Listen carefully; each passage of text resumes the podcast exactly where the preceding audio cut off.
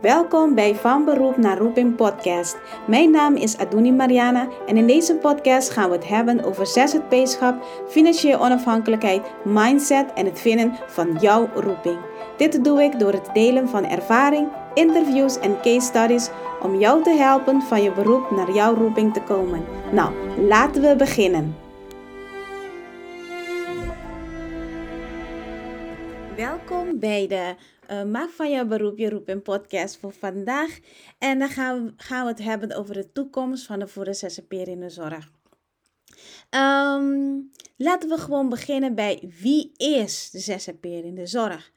Um, heel vaak hebben we het over um, uit automatisme, over verpleegkundigen, helpende, verzorgenden. Um, die diensten draaien bij instellingen, voor thuiszorgorganisaties en begeleiding geeft uh, voor de PGB-cliënten.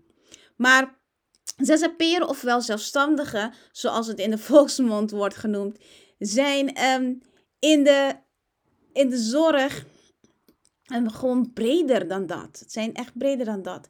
In de kam in, bij de Kamer van Koophandel ben je ingeschreven als een eenmanszaak.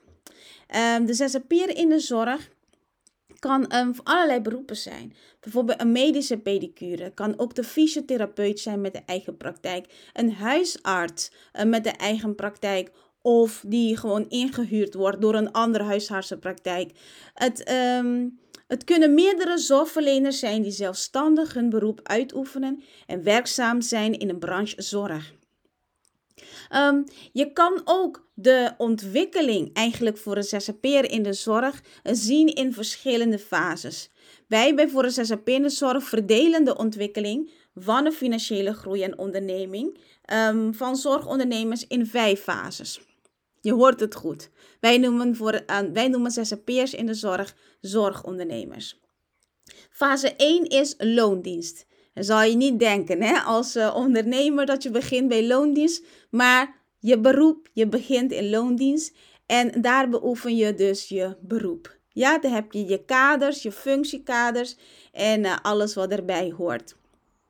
In fase 2 ben je dan ZZP'er, zelfstandige zonder personeel. En uh, misschien werk je dan via een bemiddelingsbureau of een tussenpersoon. En um, let op, hè, dat kan ook dus bij een huisarts, psycholoog enzovoorts. Uh, dus het is niet alleen maar um, verpleegkundigen, verzorgenden en helpenden die dit doen. Fase 3 is ZZP met een eigen opdrachtgevers, cliënten of klanten, hoe je het wil noemen. En uh, die gaan naar alle kanten op. Ja, je kan zeggen, je hebt Jan de eigen opdrachten bij instellingen. Maar het kan ook zijn dat je um, een hele andere kant op wil. En bijvoorbeeld je wil massages gaan doen in plaats um, van AC2 zachtelen. Ik zeg maar iets nou hoor. Maar dat je dat wil gaan doen. En dan heb je dan weer klanten. Er zijn geen cliënten of patiënten meer. Maar dat kan dus natuurlijk ook. Fase 4 is opschalen. Uh, wanneer je genoeg opdrachtgevers en cliënten hebt, en klant, of klanten, um, en je dat niet meer alleen kan doen. Want je hebt ook maar 24 uur in een dag en 7 dagen in een week. Al denken we soms dat we superhelden zijn en dat we alles tegelijkertijd kunnen voorbij de factor tijd, um, is niet zo. Maar op een gegeven moment heb je zoveel werk dat je niet alleen um, kan. Je hebt natuurlijk een weglijst die je kan aanhouden, maar je kan ook gaan denken aan uitbreiden en opschalen. En fase 5, en dat is impact en innovatie. Want nu zie je ook waar, um, ja, waar de gaten zijn in het systeem en wat je dan allemaal zou kunnen verbeteren. Soms zie je dat al vanaf fase 1 hoor. Dan zie je al vanaf fase 1 en dan werk jij jezelf naar fase 5 toe. Um, voorbeelden van fase 2 en fase 3. Eigenlijk de voordelen, sorry, voordelen van fase 2 en fase 3. Um, ehm, hier zitten bepaalde voordelen ten opzichte van het werken in loondienst. Want misschien um, heb je iets van, ja, poeh, vooral aan het begin. Um, je hebt misschien niet genoeg opdrachten of je weet niet wat. En alles is nieuw. Maar je wil weten, oké, wat zijn nou de voordelen hieraan, hè? Um, je hebt natuurlijk de vrijheid om te kiezen wanneer je werkt en met wie je werkt. Dat heb je natuurlijk in loondienst niet. De luxe heb je ook om um, opdrachten via bemiddeling aangeboden te krijgen en daaruit te kiezen. Of een tussenpersoon kan ook. Hè? Bemiddeling kun je ook tussenpersoon uh, lezen. Of platform kan allemaal. Daarnaast beginnen we meestal ook niet in de min. Dat wil zeggen, je hebt niet een winkel of restaurant waar je kosten voor maakt en voordat je er überhaupt je eerste klant binnen hebt gehaald. We kunnen eigenlijk vrijwel meteen starten met omzet genereren. Um, ik heb dat wel eens um, in onze Facebookgroep voor, um, voor de zzp'erende zorg, heb ik een keer erover gehad. En toen zei iemand, jawel, we hebben wel kosten, want we moeten natuurlijk de KVK be betalen en de uitdraagse. Ja, inderdaad. We moeten al die dingen inderdaad betalen. Maar iemand die een winkel heeft, iemand die een restaurant heeft, iemand die een um, fitnesscentrum heeft en zo, die hebben veel meer opstartkosten. Die hebben een flinke investering moeten doen, lening moeten doen zelfs, om te kunnen starten. Maar wij hebben dat niet. Onze kosten zijn redelijk laag. Inderdaad, we moeten verzekeringen en zo betalen. Maar onze kosten zijn redelijk laag. Um, ja, dus dan had ik het even gehad over de, de opstartkosten. Bij mezelf um, kan ik als voorbeeld ook geven. Ik heb uh, um, naast voor de zzp en zorg um, had ik natuurlijk een Adonis Moving Care. En met Adonis Moving Care gaf ik beweging en zorg aan ouderen met dementie, maar aan huis. ik gaf ook workshops en lezingen bij instelling en een thuiszorgorganisatie. En ook in het buitenland. Maar um, alhoewel ik materiaal nodig had, alhoewel dat ik um, veel heb geïnvesteerd in mijn onderneming, qua marketing, um, qua, ook qua vakinhoudelijke kennis, moet ik heel eerlijk hierin zijn, de kosten vallen nog mee ten opzichte van een andere branche. Ja, ik kan zelfs een voorbeeld nemen ten opzichte van uh, een vriendin van mij, die bijvoorbeeld een nagelstiliste is. Van al die dingen die ze moet aanschaffen, dat hoefde ik niet te doen. Ja, um, bijvoorbeeld bij bewegen. Ik kan dingen verzinnen zonder veel voor nodig te hebben. Dus ik vind dat, uh, um, dat wij dus toch um, redelijk snel kunnen beginnen. Natuurlijk zijn er ook zzp'ers in de zorg die wel die kosten moeten doen. Bijvoorbeeld een psychiater of psycholoog die soms bepaalde programma's moet aanschaffen, ja, omdat het zo uh, verplicht is of um, door de beroepsvereniging of zo wordt aanbevolen en dit wel kostbaar is. Ja, en dit wel prijzig is. En in dat um, geval, ja, dan moet er ook wel geïnvesteerd worden. En niet erbij vergeten dat als je um, bij de zorgverzekeringswet eigenlijk um, betaald krijgt, dat daar ook zijn traject heeft. Dus de inkomen dat je moet krijgen, moet ook ergens vandaan komen. Dus er zijn natuurlijk uitzonderingen er, eraan, maar het is redelijk wel uh, snel voor ons te beginnen. Nou, hoe vrij ben je eigenlijk als zzp'er in de zorg? Er is vaak een uh, soepele overgang van loondienst naar werken als zelfstandige. En vooral als de werkzaamheden gewoon uh, nagenoeg hetzelfde zijn. Ja? Al kunnen we discussiëren natuurlijk over het verschil in vrijheid. En ja, inderdaad, je hebt meer vrijheid, maar um, en je kan veel dingen zelf gaan bepalen. Maar als je bijvoorbeeld bij een instelling of thuisorganisatie werkt of bij je an iemand anders praktijk, dan werk je wel volgens hun manier. Ja? Zij zijn je opdrachtgevers en de cliënten die je verzorgt zijn niet jouw cliënten, zijn de cliënten van hun. Ja? Dus niet jouw cliënten. Je hebt natuurlijk belastingvoordeel. Um, hadden we, uh, zullen we een andere keer over hebben, over belastingen en dan iets dieper op ingaan.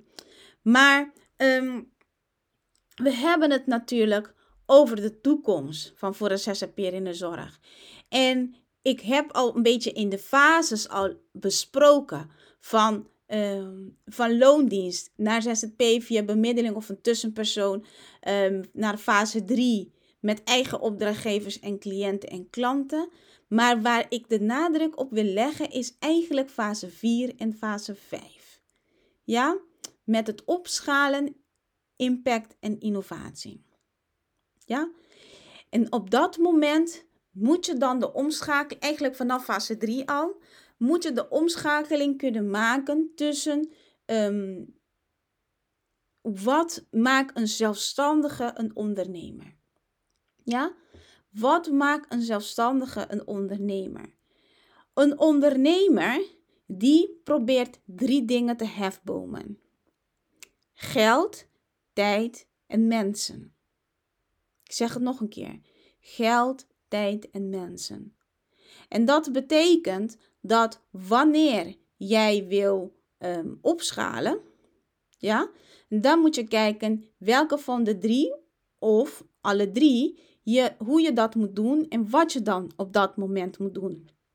Want als je blijft van uh, werken, um, uurtje factuurtje zeg maar, het enige manier om groter te worden is bijvoorbeeld om een hogere uurtarief te gaan vragen of gewoon om meer te gaan werken. Ja? Maar je hebt een onderneming en om die onderneming te laten groeien, zou je tijd, en zou je geld, tijd en mensen moeten hefbomen. Ja? En daar zie ik dus de toekomst voor de zzp'er in de zorg. Wij zijn op de werkvloer. Jij bent op de werkvloer. Jij ziet um, de dingen, je ziet de dingen die ontbreken. Wanneer jij zelfs je eigen opdrachtgevers hebt en je cliënten, zie je zelfs dingen die ontbreken. Het kan zelfs zo zijn dat jij een passie bij jezelf gaat ontdekken. Een dieper liggende roeping die bij jou ligt. Ja, een diepere liggende passie en roeping die bij jou beter ligt. En dat zie ik dus als onze toekomst, als de toekomst voor de zzp'ers in de zorg.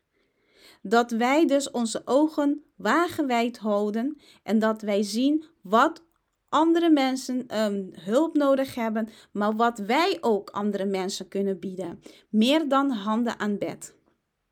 Ja, meer dan de handen aan bed. Um, je hoeft niet te wachten totdat de Belastingdienst komt. Of hoeft niet te wachten totdat er nieuwe regelingen zijn, waardoor het niet meer mogelijk is om te zzp'en zoals je nu gewend bent. De toekomst is, en de toekomst um, zal zijn, dat jij zelf met innovaties komt, waardoor de zorg dan verandert. Hoe kan je dat nou vinden? Hoe kan je dat doen? Nou, natuurlijk door ervaring. Door gewoon aan de slag te gaan zoals je nu al doet. En je komt het wel tegen. Als je een bepaalde frustratie, irritatie hebt met iets. De kans is groot dat daar eigenlijk je roeping ligt. Want het roept jou. Ja?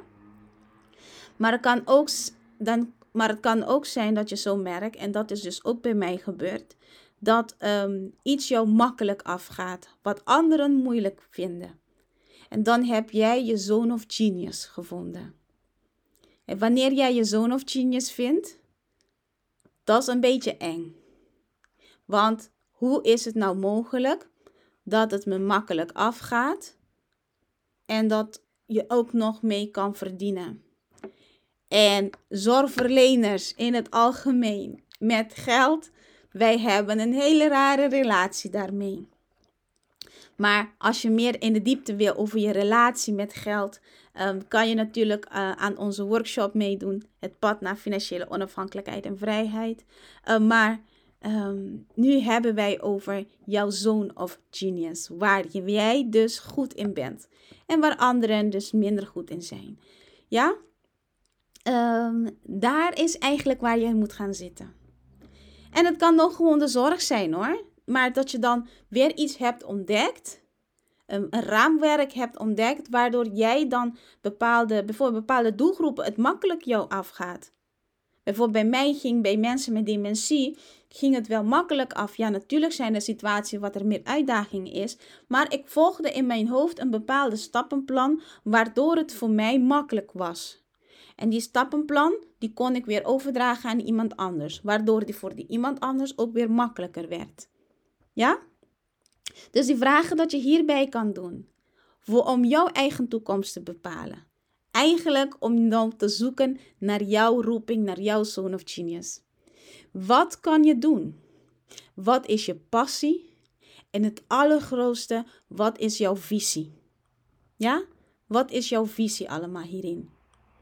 Nee, dit betekent niet alleen ik vind leuk om te doen dit en dat. Nee, nee, nee.